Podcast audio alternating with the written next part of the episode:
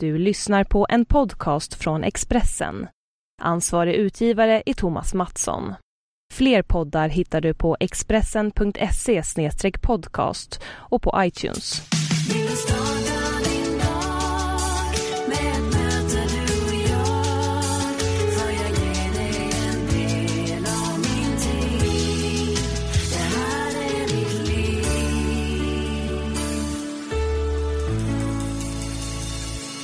Då ska du vara hjärtligt välkommen till avsnitt 102 av Livshjulet. Den här podcasten där jag, Anna Hegerstrand, träffar kända svenskar som får berätta för mig och dig som lyssnar om sitt livshjul.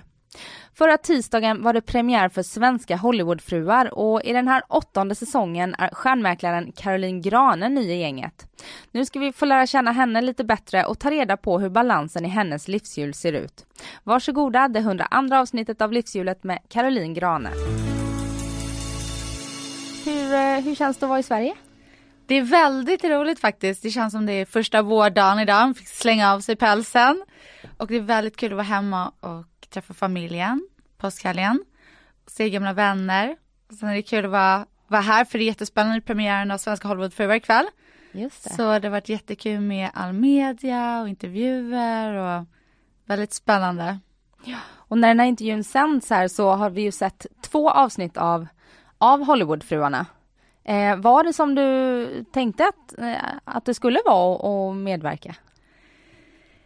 Det är svårt eh, och, eh, att sätta sig in tror jag. Eh, framförallt i och med att eh, det är en eh, svenska Hollywoodfruar och de andra kvinnorna är gifta eh, och ja, vad showen heter då. Eh, svenska Hollywoodfruar och jag i och med att jag är single, self-made, jag har en karriär, jag lever inte alls som en hemmafru på något sätt. Så det var väl att eh, jag såg en vision att eh, vad kul att de frågade mig om jag ville vara med för att jag kan representera någonting annat som inte finns på showen än. Så det är svårt att föreställa sig hur det skulle bli men jag som så här, jag kommer vara mig själv som jag alltid är och jag kör mitt race. Och så antingen passar det eller passar det inte men jag kommer alltid stå för vad jag är. Men det är klart att det blev konflikter och drama i och med att jag är så olik de andra och lever ett väldigt annorlunda liv. Men vad jag har förstått för både Agnes Nicole Winter, hon lever själva och hon jobbar väl också med någon, hon jobbar med film? Eller? Eh, Och Åsa har skilt sig också. Precis, jag, jag fick lära mig en del på ehm, första avsnittet. Ehm, och Agnes Nicole, hon, hon säger att hon är den enda riktiga svenska Hollywoodfrun. Men sen tycker jag är intressant där med att det är så extremt stor åldersskillnad. Så att det behövs på showen en person som mig som är yngre och kommer in som en fräsch fläkt och man lever inte samma liv någon som är liksom 30 års åldersskillnad eller vad det nu är, jag vet faktiskt inte hur gammal Agnes Nicole är men jag tror att det är någonting sånt. Så det är väldigt annorlunda liv och eh, Åsa har ju varit gift och hon säger att hon är liksom miljonär, jag vet inte hur hon har tjänat sina pengar men jag har inte vunnit på Lotto, jag har inte ärvt pengar, eh, jag har jobbat stenhårt så att jag tillför någonting helt annat plus att Åsa är ju väldigt mycket plastikoperationer, jag är healthy yoga girl, jag står inte för sånt där alls så att det, det är olika personer, det är det som gör showen intressant för att du har så mycket olika personer och hur vi ser saker olika och hur, vad som händer när vi ses. Och du sa att ni ni lever inte alls samma liv. Vad lever du för typ av liv?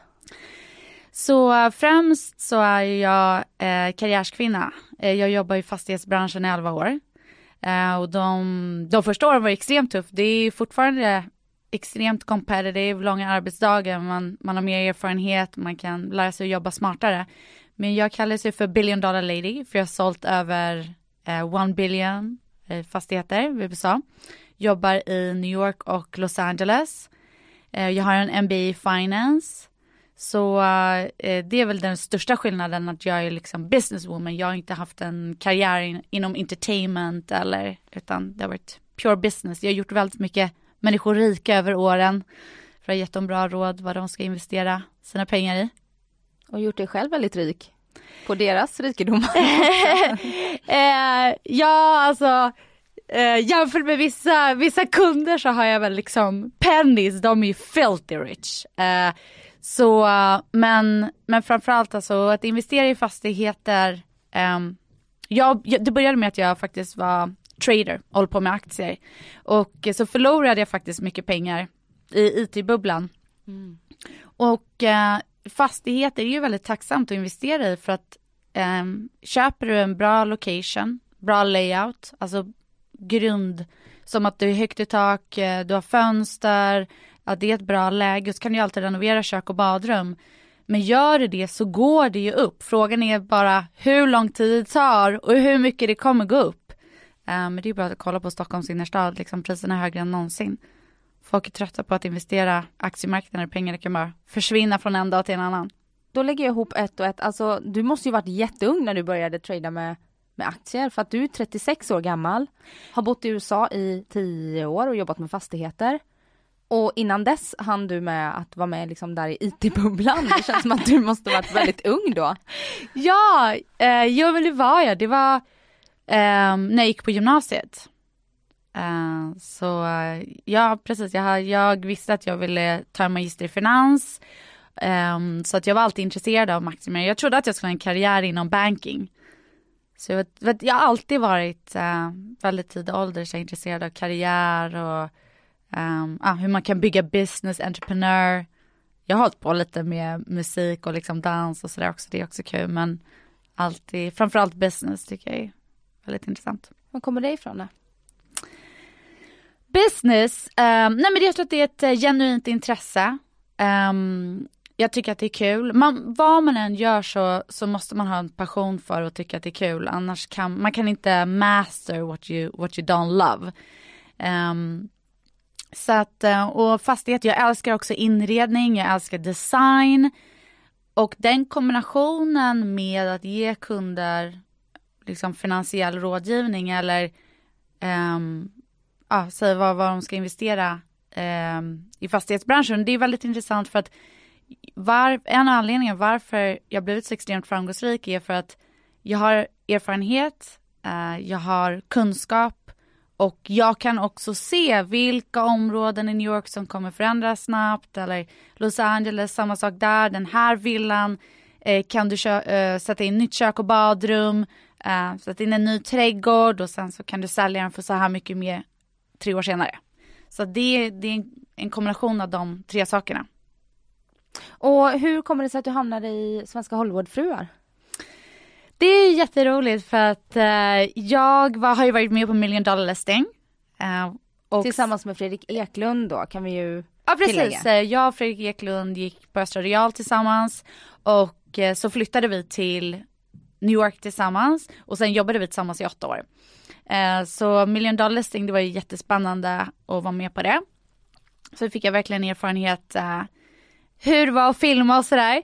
Och eh, sen efter det så startade jag en show som heter Blend, en tv-show som var real estate och lifestyle. Och det var inte en reality show utan då intervjuade jag developers, svenska kändisar, alltså Marcus Samuelsson, Marcus Schenkenberg, vi var med på en av hans photoshoot, Eva Attling öppnade sin butik i New York, filmade vi där. Och eh, så var producer för den. Och så frågade jag faktiskt eh, producenterna för ja, Svenska Hollywoodfruar om de kunde visa den showen i Sverige. Och då sa de liksom att det inte är rätt timing men kan inte du vara med på Svenska Hollywoodfruar? Och då sa jag, jag är ingen Hollywood wife. Uh, och de bara, men vi öppnar för med en ung karriärskvinna som står för något annat som self-made. Så jag bara wow, jag måste ta den chansen. Det här är ju fantastiskt och uh, vara role model. Och flyttade du till Los Angeles då för att medverka i showen eller var du på gång att flytta dit från New York? Jag har, innan? jag har åkt dit och fram och tillbaka. Vi har öppnat eh, kontor där. Det är relativt nyöppnat. Uh, så det öppnades en, ja, ett och ett halvt år sedan när vi kollade på olika lokaler och olika lägen. Så att det har varit uh, en naturlig transition. Och jag är ju, jag kallas ju Hurricane Caroline för jag blir lätt uttråkad så att jag eh, reser ju flera månader om året. Jag har även jobbat en del i Dubai med fastigheter, Sydamerika, Europa, en del i London.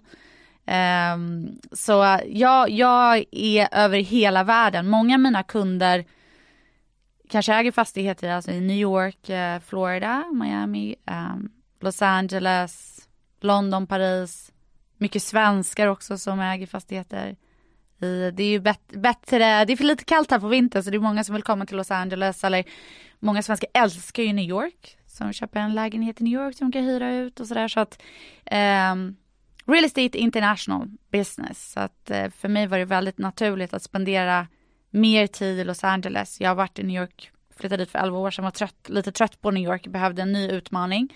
Öppnade kontoret där. Uh, möjlighet att vara med på Svenska Hollywoodfruar så var bara perfect för mig. Och du sa att du skiljer dig från de andra fruarna eh, genom att du mer står för den här sunda livsstilen, inte så mycket plastikoperationer och, och eh, sådär. Och jag såg en yogavideo som du har på Youtube. Du är jätteduktig på yoga. Nej men det är så roligt för att uh, det är min lillebror som är 15 som nu under påskhelgen uh, Caroline nu gör vi yogavideo med dig.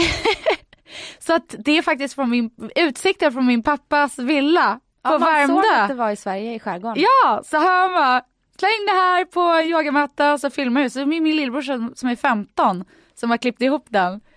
Um, jag var mer fascinerad av att han är så extremt teknisk än vad jag är på att göra yoga. Men yogan, um, det har betytt jättemycket för mig. Um, man utvecklas um, spirituellt, fysiskt, man blir snygg, man får väldigt snygg kropp. Och emotionellt också. Det är väldigt fint budskap i yoga. Jag tycker att det är ett moment. Väldigt kul också istället för att gå på ett gym. Man gör det och sen helt plötsligt blir man jättebra på någonting. Väldigt kul. Det eh. tycker jag är spännande för att jag har övat yoga. Mm. Jag är periodare kan vi säga. Ja. Och jag blir fan inte bättre alltså. Jag är fortfarande stel och Um, jag, skulle, jag behöver ju yoga för mm. att det är ju mm. personer som jag som behöver det. Men jag blir så avundsjuk när jag ser sådana som dig då. Som bara viker sig dubbla och står på huvudet och grejer. Det känns så hopplöst. Eh, jag förstår, men det är, men så här, jag kanske vill att jobba lite hårdare än du är. Det, det är nog svaret till allt om man ser något som är bättre. Att jag går, jag, jag försöker träna sex dagar i veckan. Eh, och jag tycker det är kul. Jag var dansare förut. Så att och sen blev jag, jag skämtar säga kontorsråtta för att alla som jobbar mycket, hur ska man ha tid att träna om man jobbar 12-14 timmar om dagen? Så att det var flera år när jag inte hade tid att träna. Men i och med att jag hade den grundläggande kunskapen med dans och alignments med kroppen. Så först när jag började med yoga var jag jättestel och jag tyckte det var jättesvårt. Jag kunde inte alls upp och ner. Men sen så jag tränade jättehårt och gick på klasser och hela tiden. Så tycker jag det är väldigt kul. Och då kommer det automatiskt.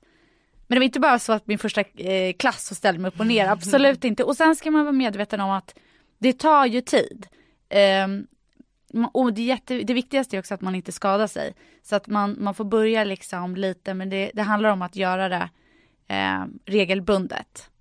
För tar man in en klass i månaden kanske det inte händer så mycket. Men sen är det också eh, resan dit och inte att åh, nu ska jag stå på händer utan mer man har någonting som passar för en själv. Det är kul att ha ett mål att man säger så här, åh, jag kan bli sådär bra. Eller... Lever du yogiskt i övrigt också? Om du tänker rent kost och eh, alkohol och sådana saker. Det tycker jag var väldigt spännande. I början när jag gick på yoga så sa många yogalärare sådär, ja, eh, jag är vegan eller vegetarian eller jag, jag äter nyttigare. Och jag hade faktiskt extremt dåliga matvanor. Jag kunde liksom äta en påse godis till lunch eller pommes frites eller chips och liksom dricka en läsk. Vad som händer, nu förstår jag precis vad som händer, att när man tränar väldigt hårt eller när man står upp och ner eller står eh, på armarna, det är så extremt jobbigt så du kan inte äta en godispåse innan för då trillar du för du har inte tillräckligt mycket energi, du har inte ätit fibrer och, och grönsaker och vitaminer. Så man tvingas ändra sina matvanor. Och jag var beroende av eh, socker och eh, fett. Även fast jag inte var tjock så kan man vara det ändå. Det var väldigt svårt för mig att eh, ändra mina matvanor. Men nu när jag äntligen har gjort det så har det blivit en vana. Så nu mår jag istället dåligt om jag äter godis. För att det är som om, om man är runt en rökare eller om man inte röker själv tycker man det luktar jätteäckligt. Mm. Hur kan de inte tycka att det luktar äckligt? Hur kan de röka ett paket cigaretter? Mm. För att kroppen vänjer sig. Hur funkar det, för du reser för typ fyra månader om året. Mm. Hur funkar det med träning och bra kost då? Eh, det, eh, med träning så är det, då är det väldigt, hela min familj är supersportig. Vi reser ju ungefär två månader om året med familjen och alla är, är sportiga. Så då har vi alltid med oss eh, gympadojor. Så var vi än är i världen så joggar vi. Eh, och sist nu här var vi i Caribbean och då trodde de på hotellet att vi var från ett sports team. Ni bara sprang. vi bara sprang upp på morgonen, springer på stränderna och liksom kör lite yoga. Det är det som är bra med yogan också att det kan du ju göra vad som helst. Det kan man göra på en strand eh, eller i en park eller hemma på ett hotellrum.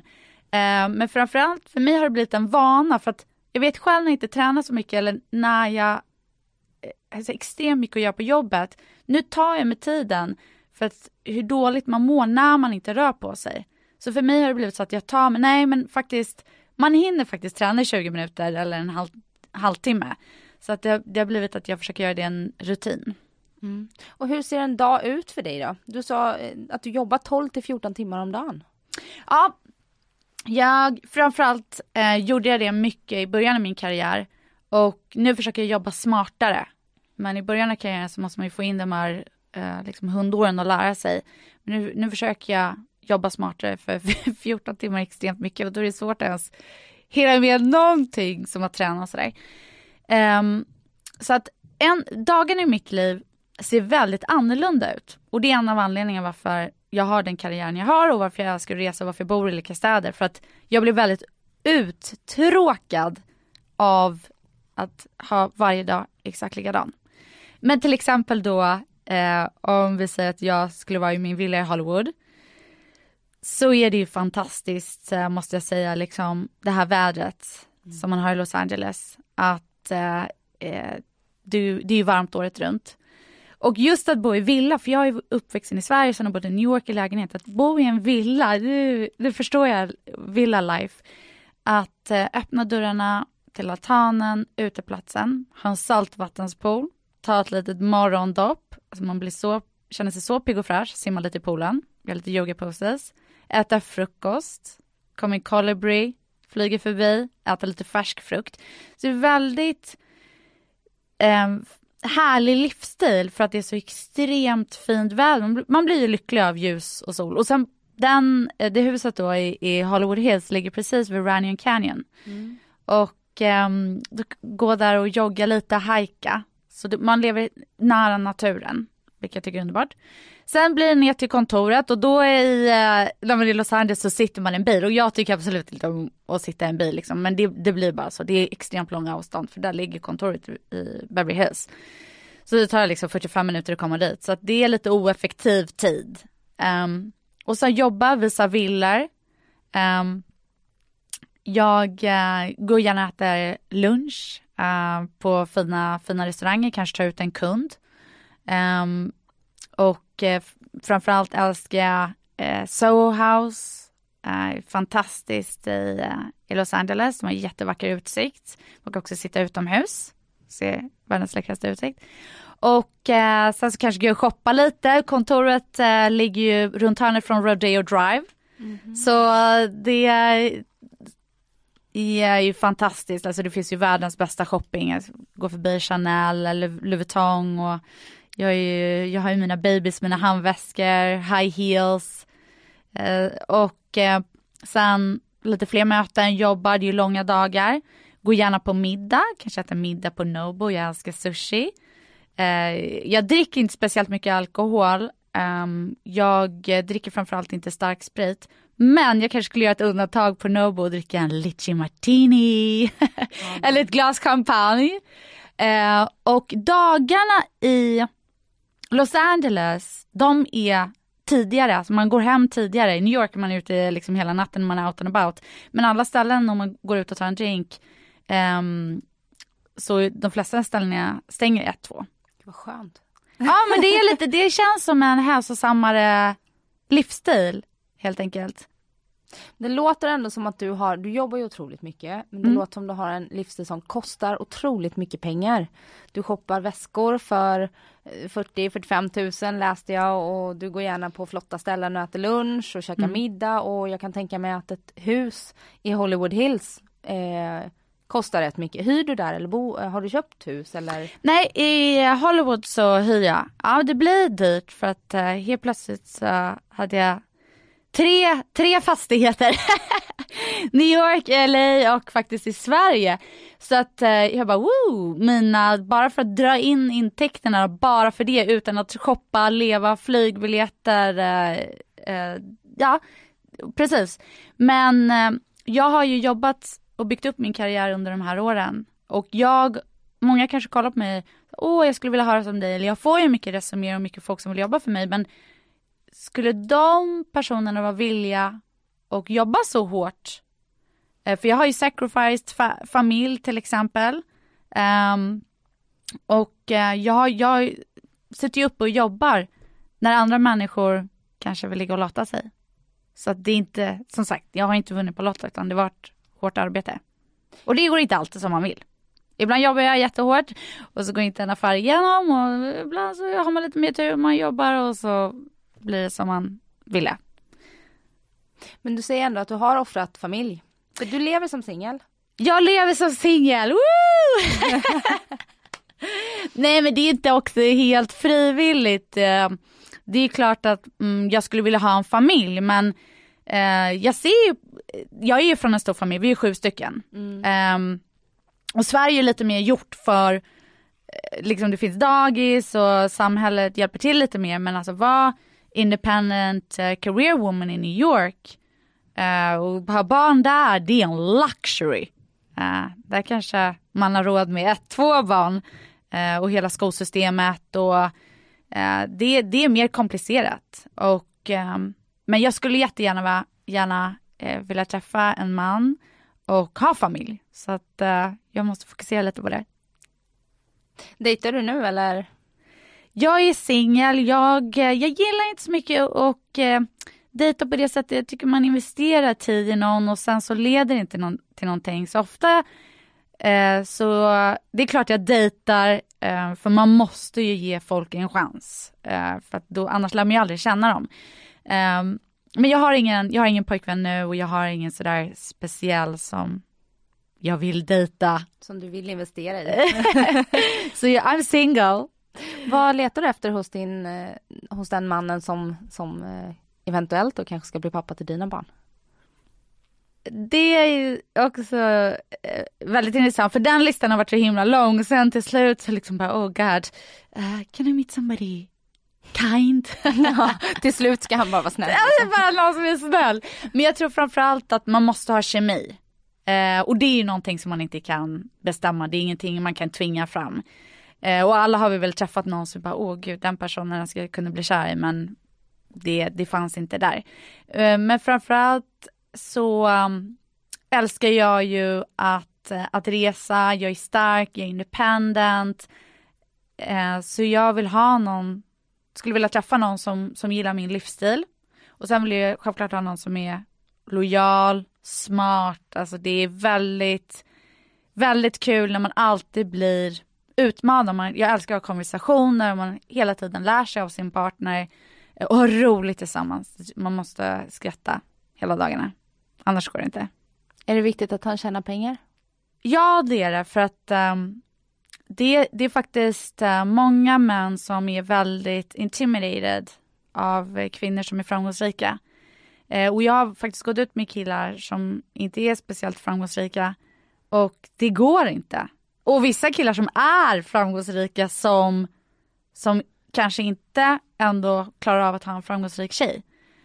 Um, men jag är faktiskt eh, väldigt humble, även om det kanske inte alltid låter så, men det blir man när man har bott utomlands i 11 år och jobbat i en så competitive. Jag vet hur det är att bygga ett företag. Jag vet hur det är att ha långa arbetsdagar. Så eh, det är bara att eh, jag måste ha en kille helt enkelt med självförtroende. Det är det det handlar om. Och du är väldigt framåt och ber inte om ursäkt för dig själv och, och berättar jättegärna öppet om, om hur du lever och alla pengar du tjänar och sådär. Har det stuckit i ögonen? Har du hamnat i konflikt? Eh, jag tänker när du kommer hem till Sverige och sådär, dina vänner här hemma, att folk är avundsjuka eller märker du av det någonting? Absolut, men det är därför också jag är mån om att säga att just att jag har inte vunnit på Lotto eller ärvt pengar utan jag har jobbat. Eh, alla har möjligheten att, att jobba. Eh, så att, och, och sen är det det att det har inte bara gått spikrakt uppåt i 11 år, utan jag har haft mina challenges. Um, det här är fjärde företaget jag jobbar på. Uh, jag har hela tiden fått utveckla mig själv uh, och så extremt slitigt och hårt jag har jobbat. Om folk skulle veta det så skulle de förstå att ja, ibland får man unna sig och jag har, jag har också lagt ner så mycket jobb för att jag vill ha en viss livsstil. För att för mig var aldrig 9 to 5 och kanske jobba i 20 år för att ha råd att köpa en lägenhet. För, för det, det var aldrig ett alternativ för mig. Jag visste redan när jag som sagt var 15 att okej, okay, wow. Uh, I wanna have a MBA in finance, I'm gonna be willing to hard work, I wanna do international career. Jag flyttar till USA um, and I'm willing to work really hard. Så Kommer du från en sån familj som med egna företagare i och sådär? Som har pushat dig eller uppmuntrat dig till De är faktiskt uh, läkare allihopa. Uh, så de håller väl mig grounded. Mm. Så det, det uppskattar jag extremt mycket. De är väldigt liksom ä, ärliga, fina. De räddar ju liv. Det är väl det finaste man kan göra. Jag är ingenting jämfört med dem. det är så. Man, jag uh. brukar prata om mitt jobb och så de som har riktiga jobb. Men de ska ju också ha en podcast att lyssna på när de kommer hem och ett hus att bo i, eller hur?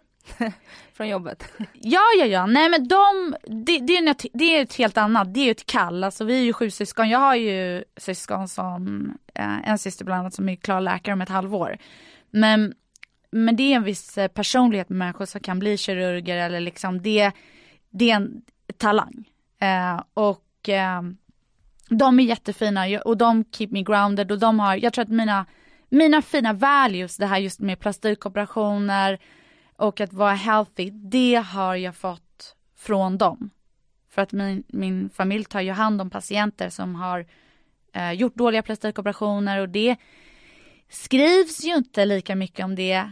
Eh, men det är ju fruktansvärt unga tjejer som går och gör eh, silikonbröst och sen så behövde om de hade jättesnygga bröst utan det är bara någonting, det blir att man är så ung och man tänker inte, vill jag ha det här om 10-20 år? Man tänker inte på att man måste göra om operationerna efter några år och hur många operationer det faktiskt blir fel. Det står inte, men alltså, jag skulle inte förvåna om de typ var tredje operation det blir fel. Det är många som brösten följer inte med, så ena följer inte med så får de operera om det igen. Så det, det är därför jag också känner att um, det, it's time now liksom för att någon mer businesswoman eh, som är healthy, eh, som kan bjuda på sig själv och säga att det här har jag gått igenom, så här har jag gjort, så här hårt har jag arbetat. Det kommer inte handla om hur stora dina läppar och hur liten din näsa är, utan det är andra saker som gäller och som kommer göra dig framgångsrik. Eh, så att jag är glad om jag kan, kan dela det. För jag letade själv efter en role model och det var, det, jag, jag har inte någon som jag var wow, that's my role model. Men, men visst har, har du gjort dina bröst också? Nej. Du har inte det? Nej. Det läste jag någonstans. Eller det var någon rubrik men den kanske var missvisande. Du har inte det? Nej. Då är du verkligen, för jag var så här, jaha men vad fasen hon sitter här och hon har gjort sina bröst själv. Men då, ja, nej men det, det skulle ja. jag ju aldrig, det skulle jag aldrig säga om jag hade gjort det. är ganska många som, ja, som inte vågar erkänna det. Ja okej. Okay. Mm. Eh, och du är ju, du har sex syskon. Mm. Och vem är du i syskonskaran? Jag är näst äldst. Är du en, en typisk eh, stora syster? Ja, ja men det, det blir nog så automatiskt för att det blir en instinkt att man tar hand om sina småsyskon. Och är ni tajta i din familj? Extremt tajta. Eh, och nu så här, vi är ju sju syskon och eh, mina föräldrar är skilda, eh, så vi har ju styvföräldrar och eh, alla har liksom egentligen olika föräldrar. Um, men vi har, bestämt, och det är många som kan vara avundsjuka, åh jag önskar att jag hade en familj som dig. Men vi har bestämt att vi ska hålla ihop och att, eh, att framförallt i och med att jag bor utomlands så mycket, att eh, viktigt, vi reser tillsammans, eh, man eh, pratar på Facetime så att man inte glider ifrån varandra, så att man måste ha ett starkt bond. Men det kan ju varenda familj bestämma att de ska ha. Och sen såklart, som alla familjer har challenges och går igenom saker. Uh, men uh, beautiful things in life are for free. Och eh, din lilla syster drabbades ju av, av bröstcancer här nyligen. Mm. Och, och du eh, sa att det kan vara en, en aggressiv form som gör att, att alla i familjen måste, kanske måste ta bort sina bröst. Eh, det finns olika typer av bröstcancer och eh, när man eh, gör prover då så försöker de se vilken typ av bröstcancer det är. Och det finns en väldigt aggressiv bröstcancer som kan vara genetisk. Och om till exempel ens mamma haft det så rekommenderar de ofta att man tar bort sina bröst vid en ung ålder. För att inte riskera att den ens ska hinna utvecklas. Um, och uh, nu har ju min, um, min syster, uh, det här hände i januari, hon har gjort en operation, hon har börjat med sin uh, cellgiftbehandling så vi är väldigt tacksamma att hon mår bättre och att det finns behandling och att uh, vi supportar henne och stöttar henne. Men det, det, betyder att hela familjen måste gå och kolla sig. Uh, och det verkar inte som det är den aggressiva formen. Uh, vi väntar på ett till resultat men det ska förhoppningsvis inte vara den. Mm, skönt. Jag hoppas att, att det är ett bra resultat. Eh, precis och det jag kan säga så här, det var bland det svåraste jag gått igenom i hela mitt liv för att det är det samtalet man absolut inte vill ha. Och eh, vad gör man? Vad betyder någonting i livet? Ingenting betyder någonting om inte min syster mår bra. Så det blir också väldigt eh, speciellt när man ser alla som går och opererar sig som har perfekta kroppar egentligen mm. och kanske till och med gör sig en, en ja precis, eh, en distjänst. mm. att de, de, de kanske skapar sig problem fast de har en healthy beautiful body. Så jag tycker att det är viktigt att folk eh, pratar om det. Men extremt svårt hur det, det, är så svårt att acceptera livet för vad det är att man kan bli sjuk. Men nu så är vi extremt tacksamma och eh, om man, det blir ju sådär så fort man går, går igenom någonting, man tänker på någonting, ah nej den här klänningen passar inte, ah, well, think about my sister, så mm. livet ändras ju från en dag till en annan. Att man blir väldigt grateful. Och hur tänker du med tanke på att du bor så långt bort ifrån din familj? Det mm. tar lång tid att, att komma hem om det händer någonting. Har du funderat på det om du vill fortsätta bo så långt bort eller om du, är du mycket i Sverige?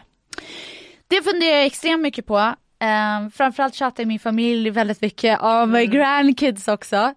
Um, nu är det så att uh, min familj har bott lite olika delar av världen också och det är därför vi bland annat reser, träffas på olika delar av världen minst två månader om året. Sen så fort uh, fick reda på min systers diagnos um, och hon gjorde sin första operation, då kom jag hem till Sverige. Uh, och sen har jag varit hemma nu och tagit hand om henne. Och uh, jag var hemma i Sverige för ett år sedan och det var ju varmaste sommaren på hundra år. mm. Så jag blev lite förfärdig, bara, oh, varför har jag inte bott här? Jag satt liksom Strandvägen 1 och åt en Skagensnitt och lite krispigt vitt vin. Och så, kom, och så var jag, köpte jag faktiskt en lägenhet med ett babyroom. Jag bara, ah, gud jag ska ha svensk pojkvän, gud vad trevligt, det här kommer bli jättebra. så kom, så åkte jag tillbaka till USA och så kom jag tillbaka och stängde på lägenheten. Och så var det november, jag bara, oh my god, why does anybody live here? Det blev liksom alldeles för grått, det går inte. Jag, jag måste bo i flera städer, jag måste åka runt, jag, jag klarar inte att vara på ett ställe. Um, Men ett sommarboende i Sverige i så fall då? De härliga månaderna? De härliga månaderna, jag älskar att vara hemma. Eh, framförallt i augusti tycker jag är kul när folk kommer hem från semestrarna och det är härligt väder och underbart. Svenska skärgården, jättemysigt. Och det företaget du jobbar på i USA, är det ditt företag eller eh, är Nej. du anställd där? Ja, eh, det är inte jag som är founder av företaget. Eh, jag är manning director och eh, när man jobbar inom fastighetsbranschen som fastighetsmäklare, då jobbar man som egen företagare. Så man får ingen lön, det är inga employment laws. Så att man är som en egen företagare fast man delar liksom webbsida och kontor och sen i mitt fall då eftersom jag är managing director så um, har jag folk som jobbar för mig. Eh, så jag har en assistent som jobbar på lön och sen har jag andra agenter eh, som hjälper mig med min business när jag reser och sådär. Så delar vi vår commission. Så, så fungerar Så är branschen uppsatt. Mm. Och eh, ditt umgänge i, i LA och New York och i Stockholm, hur, mm. hur ser det ut? umgänget, jag älskar ju färgstarka människor så jag är en salig blandning eh, med eh, allt ifrån svenska vänner eh, till skåde, skådespelare, athletes, eh, bank, eh, bankfolk så att det är en bara liksom hurricane av massa roliga intressanta människor. Framförallt gillar jag snälla människor, ska ha bra humor, Eh, de ska bjuda på sig själva, liksom, man hör ju att jag har inte så jättemycket tålamod så jag vill liksom, när jag träffar folk då ska det vara bara bam, pure pleasure. Jag har inte tid för någon bullshit överhuvudtaget, det är bara, då fire jag liksom som Donald Trump, bara fire my friends liksom. You. Det är så, du gör slut med vänner, rensar ofta? Alltså jag tycker att självklart så kan det uppstå, alla har sin uppfattning av verkligheten att man, man kan ju se saker och ting olika men jag har inte tid uh, med människor som är vicious eller inte vill en väl. Uh, man, man, kan känna folks energi att uh, vänta lite här nu. Um, så att då, då finns det ingen anledning att slösa tid för det funkar aldrig heller med de människorna har jag lärt mig. Och då är jag ju nyfiken på om du har blivit bra vän med någon av de andra Hollywoodfruarna? De andra Hollywoodfruarna... För de är ju färgstarka. Ja, de är extremt färgstarka. Gud vad mycket drama eh, det var. Den som jag har bäst kontakt med är Åsa. Eh, men vi är ju mest jämngamla. Men det, som sagt vi lever ju extremt uh, olika livsstil och just det här, uh, det är extremt mycket drama och uh, bråk i serien mellan, mellan fruarna. Och för mig lite sådär, uh, men varför ska jag sitta här och bråka med när jag kan sälja ett hus för 30 million dollars? Alltså jag kom inte så här långt i min karriär för jag har suttit och bråkat med människor utan I think big and that works for me. Men sen så är det spännande, alltså alla har ju alla har ju någonting att komma med liksom kanske på något sätt men eh, ja, jag, jag är van att umgås med extremt smarta människor. Så att du, ni umgås inte privat direkt då? Nej, alltså vi det är så stor åldersskillnad också. Jag hänger inte med panter på fritiden. Uh, jag har ju en del vänner som är mycket äldre än mig men då ska det vara extremt intressanta. Uh, människor. Och jag tänker att vi ska sätta lite betyg på ditt livshjul nu. Ja. Eh, de här åtta delarna som vi mår bra av att hålla i, i balans. Och så tänker jag eh, att du ska få sätta betyget mellan 1 och 10 där 10 är bäst och 1 är sämst. Okej. Okay. På hur de känns just nu. Ja. Mm. Eh, och kärlek och kärleksrelation. det var som ett hån. Minus 100. eh, för jag har ju, jag har, det finns ju ingen eh, Alltså om det är love life så är det ju bara totally zero right now. Mm. Och äh, du känner verkligen att du vill träffa någon, du har kommit till den punkten att du inte för ibland kan man ju vara så här att nej men jag mår bra som det är nu och händer det så händer det men du vill träffa någon.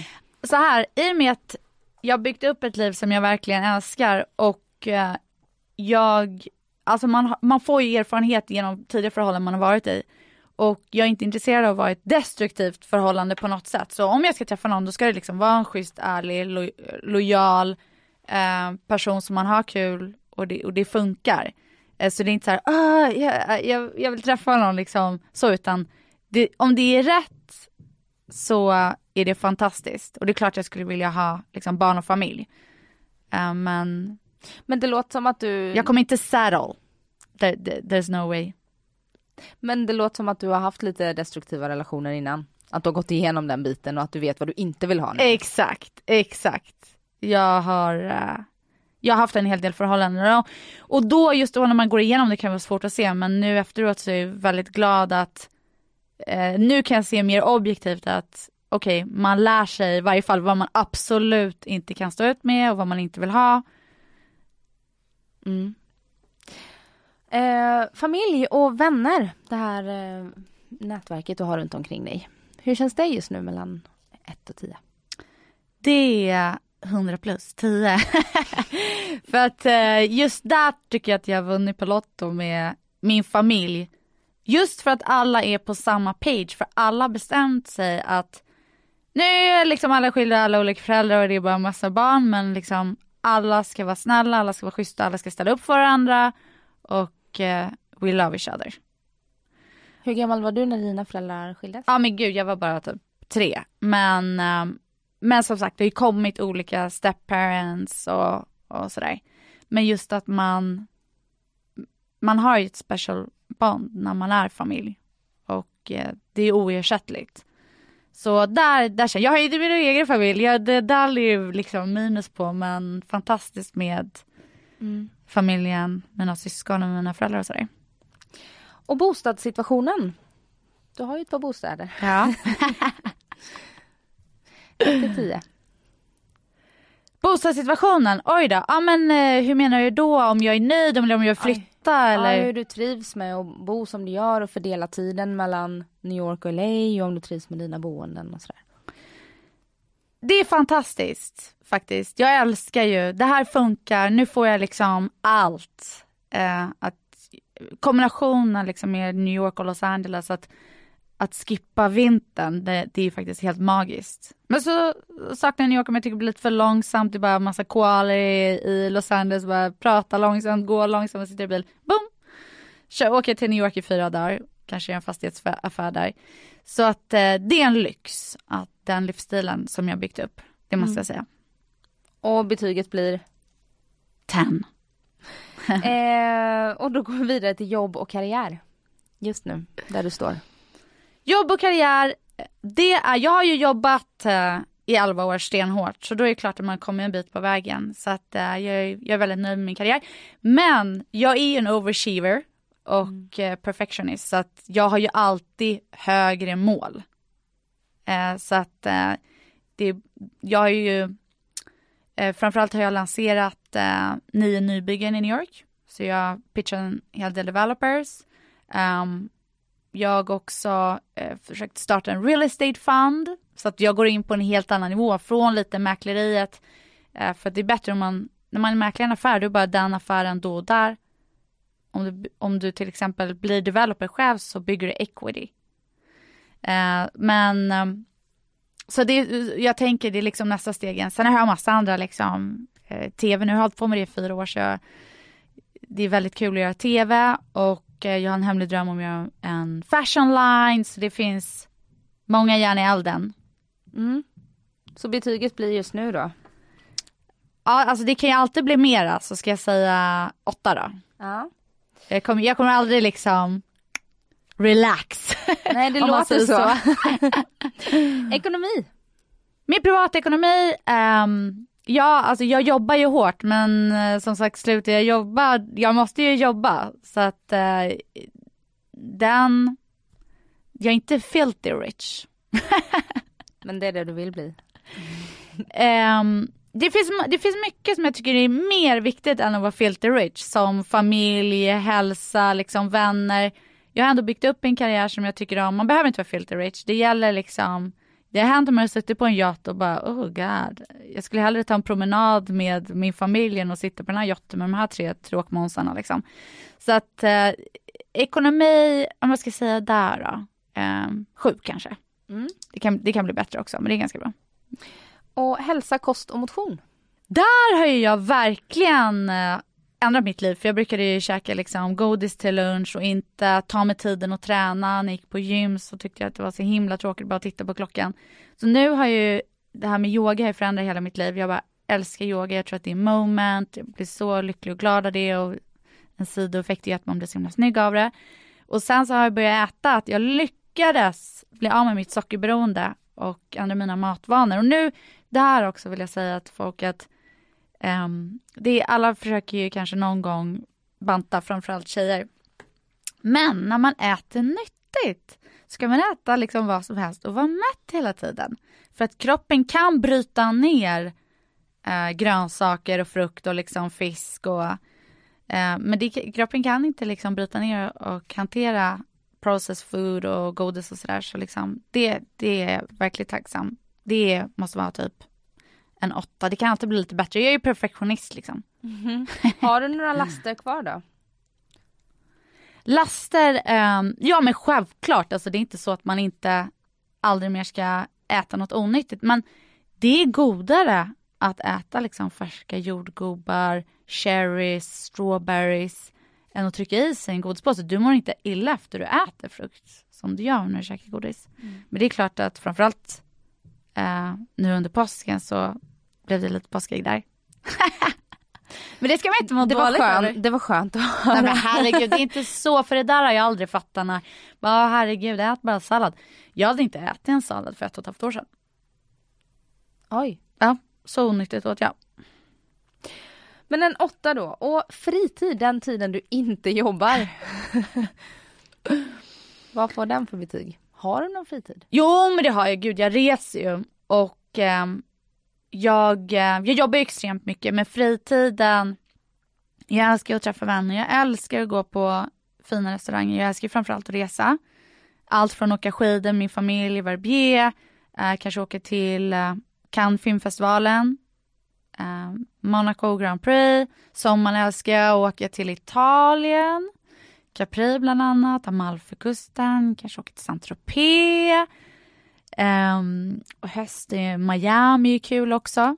Um, och sen så, jag har ju valt att bo i Los Angeles också för att man har ett sånt härligt everyday life. Att det kan bli lite, det är sådär liksom anything can happen. Och man kan åka till Santa Monica och bara ta en stroll on the beach och så jag försöker ju att liksom unna mig själv grejer för att om man bara jobbar, jobbar, jobbar, jobbar eh, då blir man inte lika kreativ och glad. Så att det är viktigt att ha en balans. Även om den har varit va, hundra på karriären och väldigt lite på de andra så, så har jag nu kommit till någon slags balans som, som funkar. Mm, vad skönt. Ja, jag vet. Ja, men det har ju tagit många år. Och vad får det för betyg då, fritiden? Eh, ja, men vi säger att den får en eh, sjua då. Mm. Och den sista delen i livshjulet är personlig utveckling. Ja, men det är någonting jag lyckas nu med de sista, skulle jag säga, typ två åren. Har jag lyckats med personlig utveckling. På vilket sätt? Ja, men jag hade en kompis som jag bara, oh my god, liksom, wow, det är så svårt, det är så mycket som är så extremt tufft. Och då var det så här, men gud, the challenge in life is to, is how to enjoy life. För att hur har man kul när man går igenom en skilsmässa, när det inte går som man vill i karriären, liksom, hur hanterar man allt det här? Så att, men det är just när man går igenom svåra saker man växer för man tvingas att tänka. Och där märker jag ju stor skillnad liksom, just att jag har bott i USA och tvingas tänka några gånger där man, det är så extremt competitive och man är utan sin familj och det, samtidigt som det är mycket så spännande så har man ju flyttat till ett annat land, man vet inte exakt hur saker och ting fungerar och sådär. Så att- men samtidigt ser jag att jag har utvecklats kanske mer än vissa vänner här i Sverige som inte tog samma risker som jag ville att ta. Men nu känner jag att eh, nu har jag, det var länge jag kände att jag gick igenom det men nu har jag liksom verkligen grown. I feel grown. Du Folk ringer, folk ringer mig och frågar mig advice eh, mycket sådär. Ehm, så Har du gjort det på egen hand eller har du tagit hjälp utifrån? Har inte alla i, i Los Angeles i alla fall en egen psykolog? en shrink. Ja. Jag säger då att uh, yogan är min shrink. Mm. Ehm, för att ehm, när man går på en yogaklass så kan läraren säga någonting ehm, extremt smart. Som att till exempel, Mm, alla kan relatera till att man, man träffar människor så känner man sig, nej jag träffade den personen, det kan vara ett business meeting, det kan vara en vän och jag blir lite ledsen och sårad av vad den personen sa.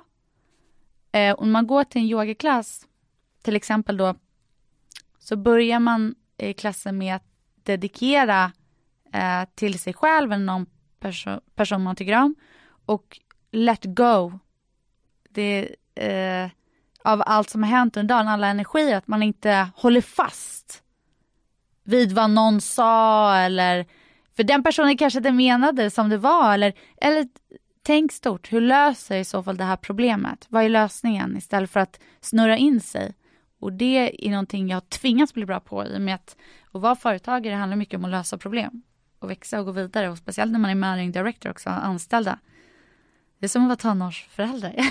Ja det är det va? Och vad blir personlig utvecklingen?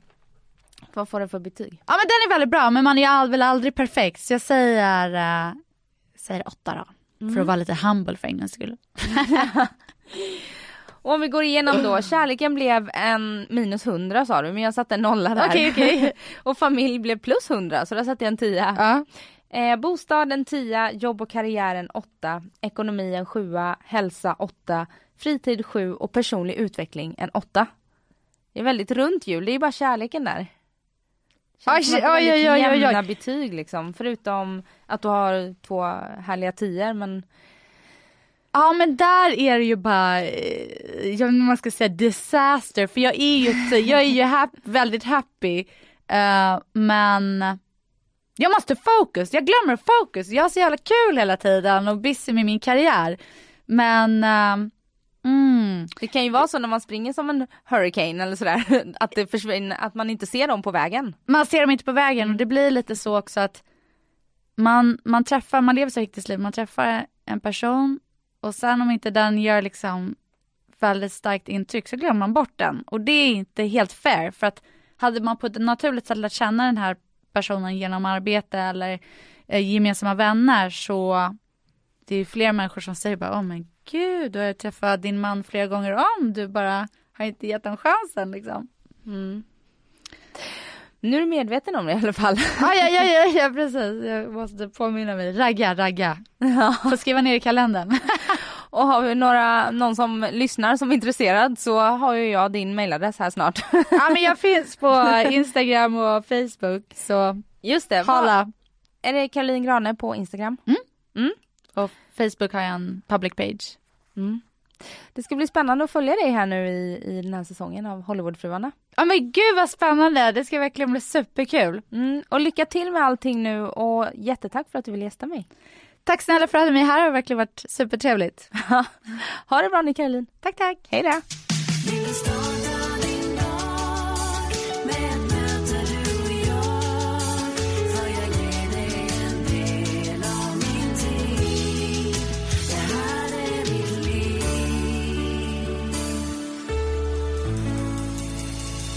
Du har lyssnat på en podcast från Expressen.